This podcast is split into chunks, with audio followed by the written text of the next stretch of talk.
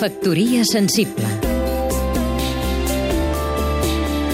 Jordi Coca, escriptor i doctor en arts escèniques.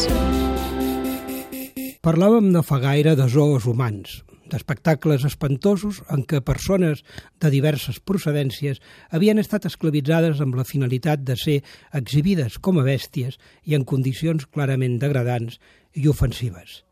Ara això oficialment s'ha acabat, però queden els anomenats pip shows, espectacles de caràcter eròtic o pornogràfic que se solen fer en alguns sex shops de les grans capitals.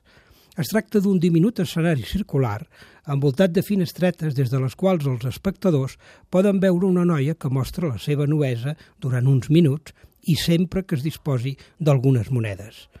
Naturalment es tracta d'exhibir-se de manera excitant, provocadora i de propiciar tant com es pugui la visió de les parts més íntimes.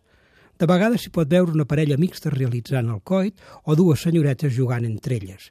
És un espectacle per a mirons, per a gent que gaudeix espiant la intimitat dels altres, però en certa manera també és una reminiscència d'aquells circs en què es mostraven dones barbudes, pigmeus, persones deformes o senzillament indígenes de cultures alienes que havien estat esclavitzats per distreure aquells que tenien unes monedes per llançar.